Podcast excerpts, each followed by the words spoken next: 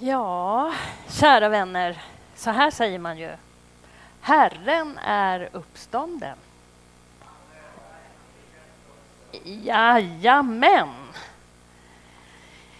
Påskdagens, eller det är ju inte påskdagens, påskdagens eh, glädje är ju faktiskt att Jesus är uppstånden.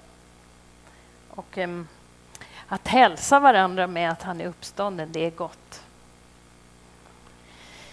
Han lever. Han lever. Han lever på riktigt. Ja, hörni ni, den här dagen är ju en sån där dag när man, när man tänker att, att det verkligen är viktigt att förstå Jesus Kristus gav sitt liv på riktigt för att du och jag skulle leva. Och eh, ibland tänker man att, att det där... Alltså, vi människor vi är ju lite så att vi tycker att vi är, lite, vi är ganska bra själva. Jag vet inte hur ni tänker, men, men vi brukar ju tänka sådär att jag är ju inte sämre än någon annan. Eller? Jag är ju verkligen inte sämre än någon annan. Men sanningen är ju det att i människan så finns det så stor brist och trasighet att det spelar inte så stor roll hur mycket jag kan lyfta mig själv i håret och vara en hyfsat bra människa. Jag kan ändå inte frälsa mig själv.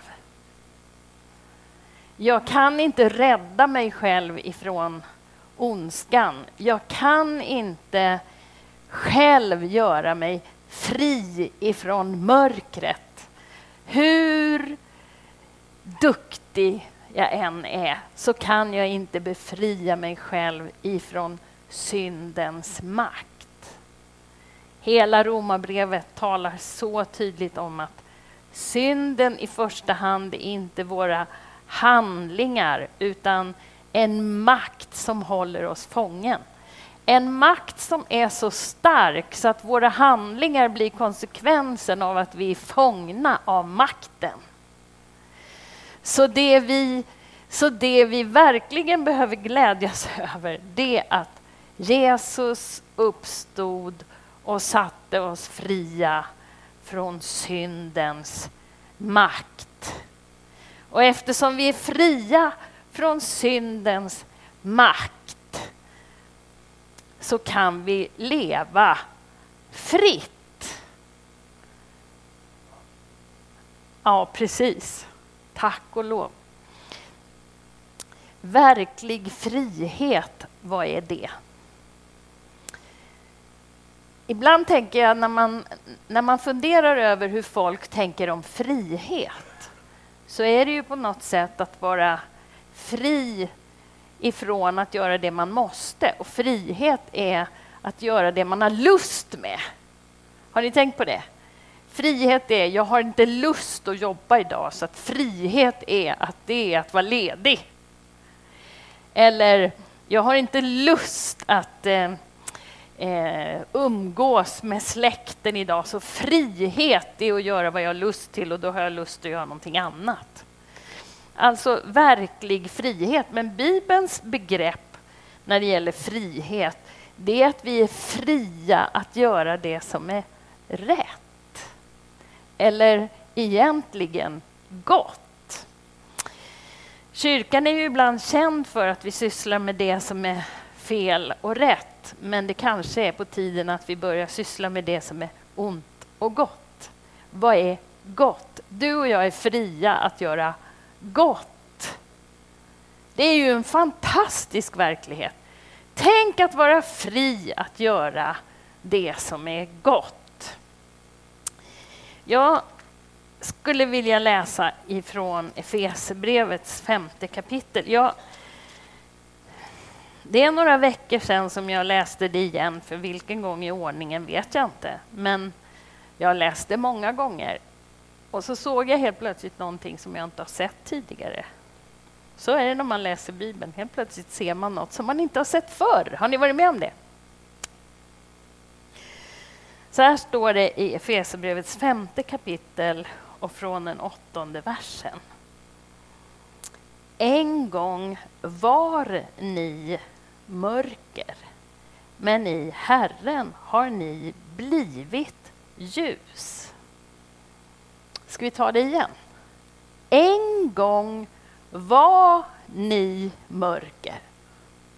Det står inte att ni var i mörkret i den här texten. Det skriver Paulus lite tidigare, att vi har blivit vi har blivit, från att ha varit i mörkrets rike, så har vi blivit genom Jesu död och försoning förflyttade in i ljusets rike, nämligen den älskade Sonens rike.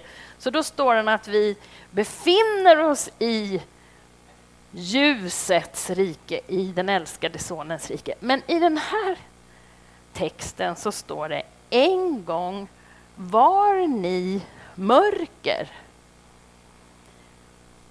Men i Herren har ni blivit ljus. Ni bär inte bara ljus, utan ni har blivit ljus. Lev som ljusets barn. Ljuset bär frukt överallt där det finns godhet, rättfärdighet och sanning. Och tänk på vad Herren vill ha. Ta inte del i mörkrets ofruktbara gärningar. Mer än så, avslöja mörkret. Vad sånt folk har för sig i skymundan, det är en skam till och med att tala om. Men när allt sammans avslöjas av ljuset blir det synligt, för överallt där något blir synligt finns ljus. Därför heter det Vakna, du som sover, stå upp från de döda och Kristus ska lysa över dig. Den där versen brukar man ju läsa vid begravningar, men jag, den där blev en väckarklocka för mig. Vakna! Hej! Är ni vakna? Vakna, du som sover! Stå upp från de döda och Kristus ska lysa över dig. Se alltså noga upp med hur ni lever, inte som ovisa människor utan som visa. Ta väl vara på den tid som är kvar, ty dagarna är onda. Var därför aldrig oförståndiga, utan sök förstå vad som är Herrens vilja. När jag läste den här texten så blev jag väldigt skakad i mitt inre för att jag hade faktiskt aldrig tänkt på att det står att jag var mörker men har nu blivit ljus genom Jesu död och uppståndelse.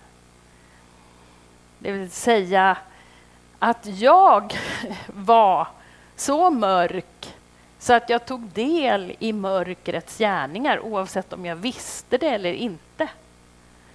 Men när jag har fått blivit ljus på grund av död och uppståndelse så står det att jag i det ljus som jag är kan avslöja mörkret. Det vill säga förstå mörkret så att jag inte deltar i mörkret. Hänger ni med? Ja, ni ser lite, lite förundrade ut. Jag vet inte om ni har sett de här tv-programmen som Uppdrag granskning har haft. Det första handlade om könskorrigeringar. Va? Det gjorde mig jätteupprörd. Så tänkte jag att varför har jag inte förstått det här? Hur kan det vara möjligt att Karolinska sjukhuset sätter kniven i en 14-åring och skär brösten av henne för att hon behöver en könskorrigering? Det sägs i programmet att det är så. Det finns siffror på det. Och vår regering har nu ett förslag på sitt bord där man då vill börja med den här könskorrigeringen redan från 12 års ålder. Alltså jag har sex barn, jag har 13 barnbarn. Jag vet att tonåringar söker sin identitet. Och någonstans måste ju någon säga nej. Vakna! Du som sover, Anette Karlsson.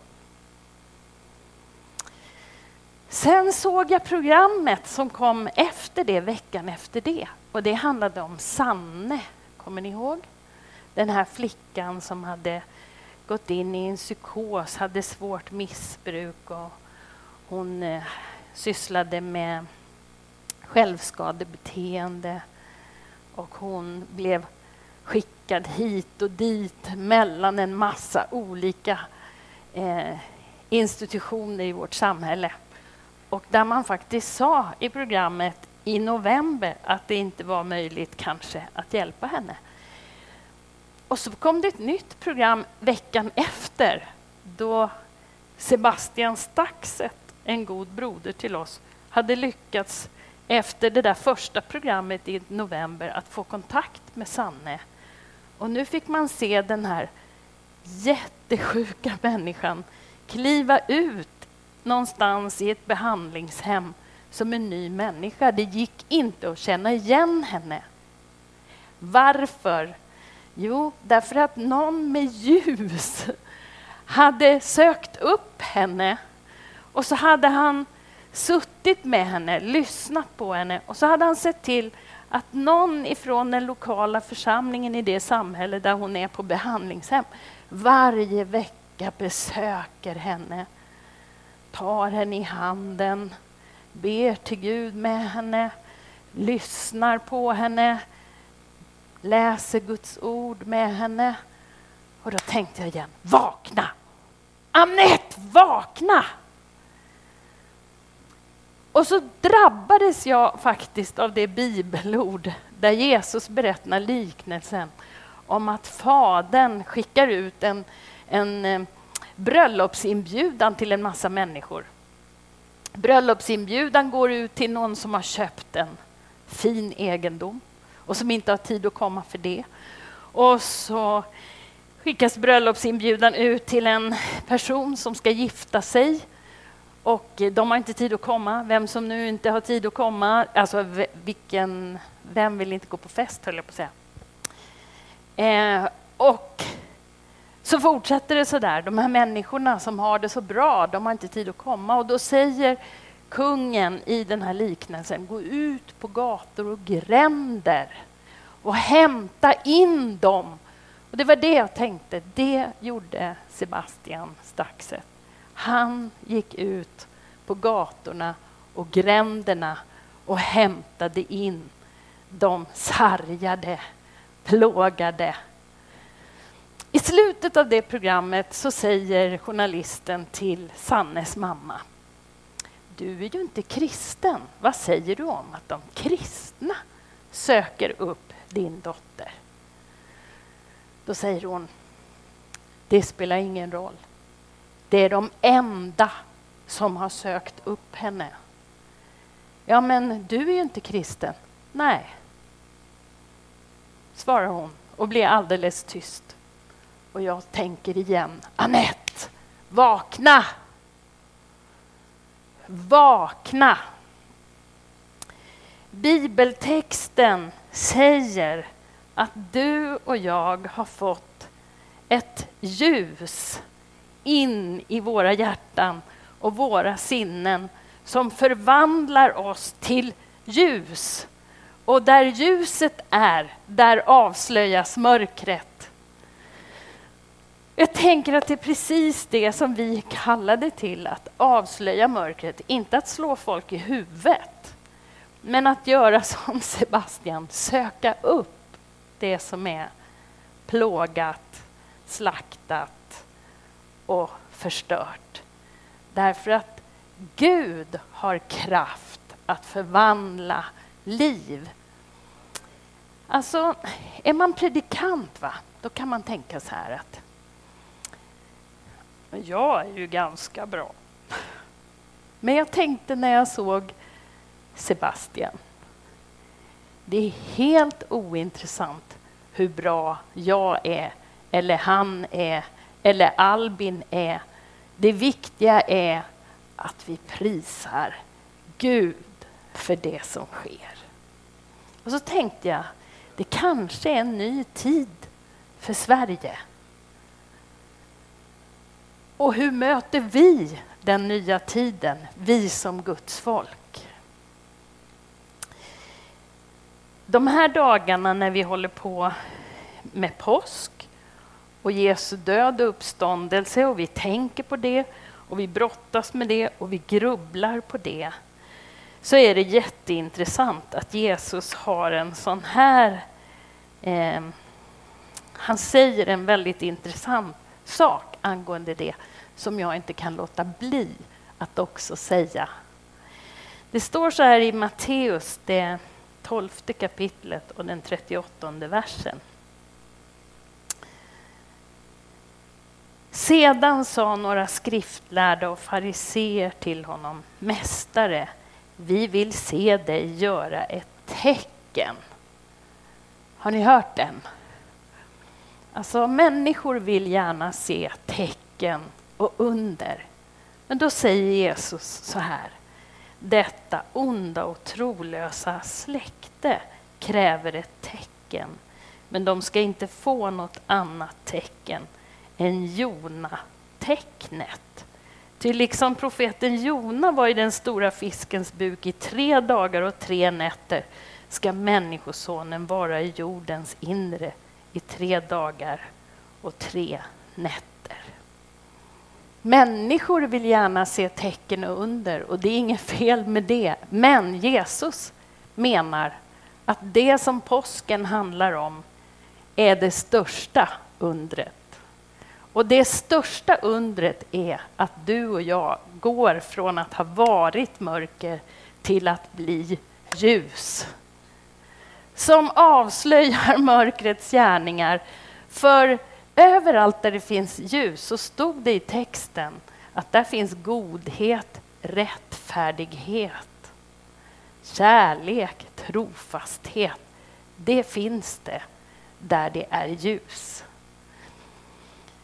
Och du och jag blir som det där ljuset på grund av detta enorma under och tecken som är genom Jona-tecknet. Jag vet inte om du har läst Jona bok, en kort bok, det är bara tre kapitel. Men det är en fantastisk bok.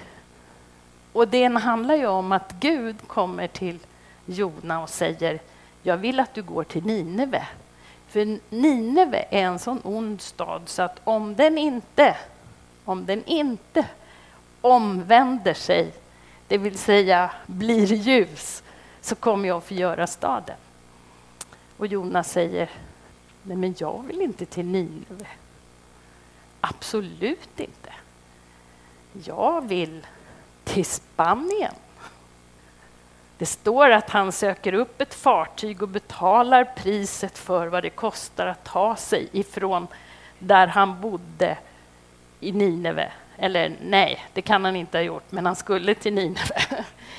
Men Jona betalar vad det kostar för att ta sig till Spanien och så kommer han ut på vattnet. Och så åker de på vattnet och så står det att Herren lät en storm blåsa upp. En våldsam storm. Kan man få Gud emot sig? Det är frågan.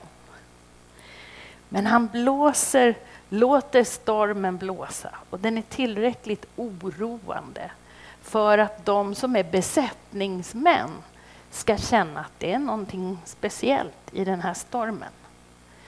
De försöker göra sig av med så mycket som möjligt av lasten för att de inte ska sjunka och de brottas verkligen med frågan vad är det som händer i den här stormen. Till slut så kastar de lott för de tycker att den här stormen är så konstig. För när de läser av stjärnorna som sjömän gör så inser de att det är någonting speciellt med den här stormen. Så de börjar kasta lott om det finns någon i på skeppet som faktiskt är orsak till stormen. Och lotten faller på Jona som ligger och sover.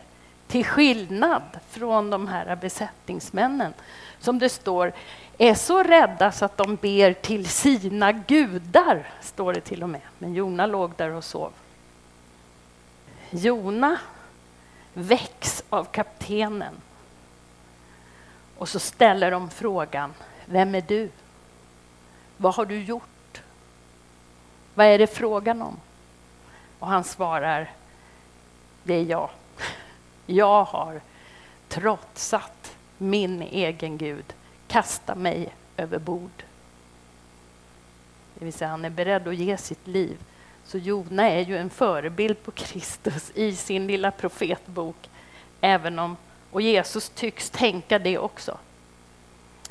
För han säger att Jona-tecknet är det vi får. Så Jona ger sitt liv för dem på sjön. Och så kommer fisken och slukar honom. Och så är han där i fiskens buk i tre dygn och så står det, om ni läser, hur han ropar till Gud om frälsning. Och så spottar fisken upp honom på land och då är han beredd att gå till Nineve. Och så går han till Nineve och så är det 120 000 människor som omvänder sig på grund av Jona lydnad till ljuset.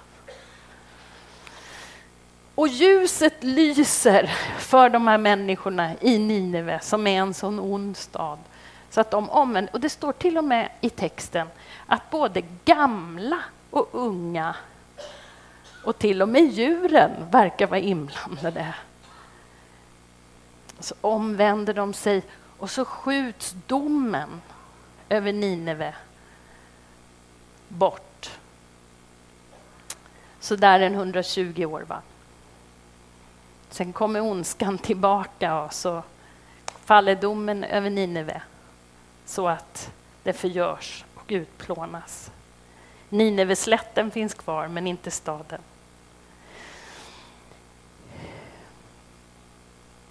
Det intressanta är ju att en enda människa, profeten, kunde vara till hjälp för 120 000. Men inte bara det, utan också för dem på skeppet. Men så länge han var, vände ryggen mot Gud så var han dem till fall. Är ni med? Så när Paulus skriver att du och jag blir ljus så menar han att ditt och mitt ljus inte bara har betydelse för mig utan har betydelse för många. Så du går omkring som ett Guds barn på grund av Jesu död och uppståndelse med ett ljus som inte bara betyder att du är räddad utan som också betyder att de du har runt omkring dig kan bli räddade. Paulus säger så här, det är samma kraft som verkar i er. Hörde du? Det är samma kraft som verkar i er, som verkade i Kristus när Gud uppväckte honom från de döda. Jag hörde inget halleluja, men jag tänker att det är faktiskt otroligt viktigt att ta de orden på allvar. Vad är det för någonting som behövs i vår tid för att Guds folket faktiskt ska få ta del av den kraften så att vi likt Paulus och de andra apostlarna faktiskt kan leva i kraft. Jag tänker att vi har mycket tankeutbyte. Va? när vi pratar med varandra och när vi predikar för varandra så utbyter vi fina tankar. Men jag tänker faktiskt att vi kanske behöver göra som Jona. Vad gör du och jag av vår tid? Vad gör vi av vårt liv? Vad gör vi av våra resurser som Albin talade om? Kanske det är så att gudsfolket, och då menar jag allt gudsfolk behöver omvända sig. Så att vi har tid att gå ut på gator och gränder, att samla.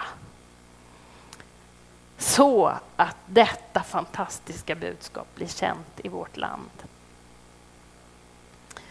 Så att detta fantastiska budskap blir känt bland alla.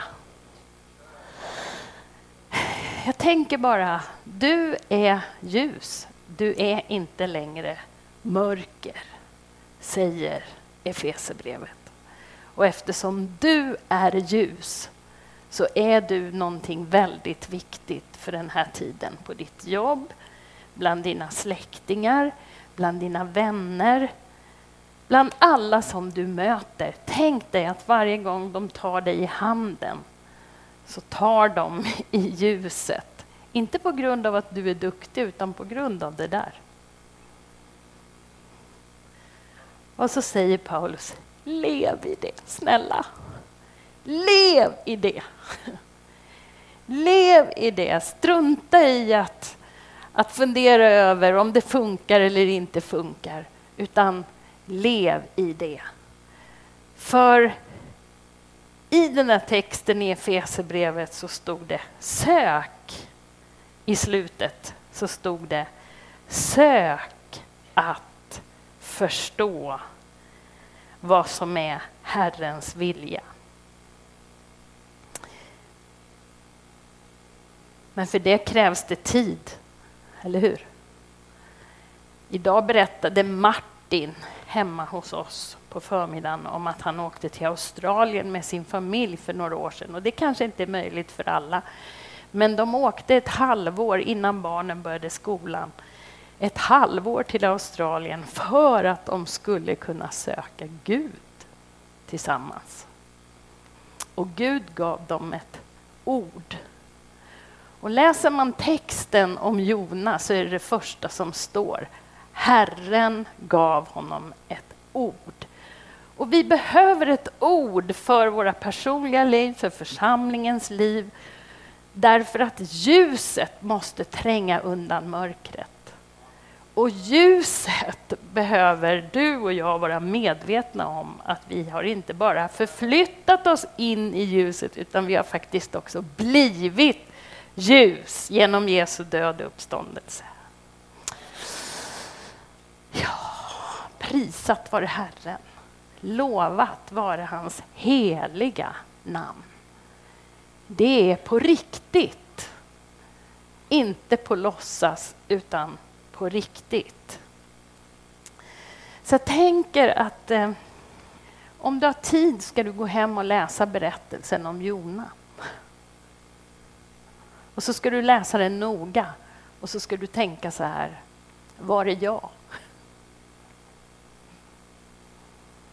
För Jesus säger att det där Jona-tecknet, att han befann sig där i fiskens buk i tre dygn, det är ett tecken som motsvarar det som Jesus gjort för oss. Och det kan vara bra att påminna sig om vad det innebar för Jona i slutändan. Tänk bara, det är en bra berättelse att läsa och att lära sig och att se. För Gud, han har tänkt någonting mer för dig. Tänk att han har tänkt någonting mer än det som du just nu lever i. Han har tänkt någonting större, någonting mer. Han har tänkt att du och jag ska blomstra i det ljus som han har gjort oss till. Allt för många gånger så tänker vi inte på eller vi brottas väldigt mycket med hur dåliga vi är. Jag vet inte hur det är för dig, det kanske man bara gör på Värmdö där jag brukar vara. Brottas med hur dåliga vi är och hur lite vi kan och hur lite vi förmår. Men eh, om det är sant det vi har talat om idag, om vi, det bibelord är sant som vi har läst idag, då borde vi inte fundera så mycket över hur usla vi är. Utan vi borde fundera mer över vad han förmår att göra i våra liv, i vår vardag. På ditt jobb, i din skola och där du befinner dig. Han förmår att göra långt mer än vi kan be eller tänka. Han har sagt att han är kungars kung och herrars herre. Han har sagt att han är densamme igår, idag och i evighet. Han har sagt att han är ljus och inget mörker finns i honom. Han har sagt att han räddar den som söker honom. Han är den som förmår. Vi skulle kunna hålla på i många timmar bara räkna upp vad han säger att han är. Och jag tänker att det är vårt hopp, det är vår glädje, det är vår framtid, det är vår kraft. Amen. Herre, nu tackar jag dig för att vi får komma inför ditt ansikte. Du vet att vi är så mänskliga och det är klart att vi är människor, men jag önskar att du på något sätt genom din heliga Ande kunde skriva i våra hjärtan om vilka vi faktiskt är i dig. Vem vi är, vad vi förmår. Inte för att vi ska bli stora, utan för att du ska bli stor och för att den här världen får bli bättre. Herre, jag önskar att du på ett alldeles nytt sätt ska välsigna mina vänner som sitter här. De som den här påsken har funderat över vad det betyder att du är frälsare och du har försonat hela världen med dig. Herre, jag önskar att du ska komma med läkedom och kraft till den som behöver kraft och läkedom. Herre, jag ber att du ska komma med strömmar av levande vatten till den som känner att mitt inre är torrt, likgiltigt och trött. Herre, kom med ny glädje, inspiration, nytt hopp, ny framtid. Herre, tack för att du inte bara låter oss leva i ljuset, utan du har gjort oss till ljus på grund av din död och uppståndelse. Herre, tack för att du är här för att välsigna var och en. Jag ber i Jesu namn. Amen.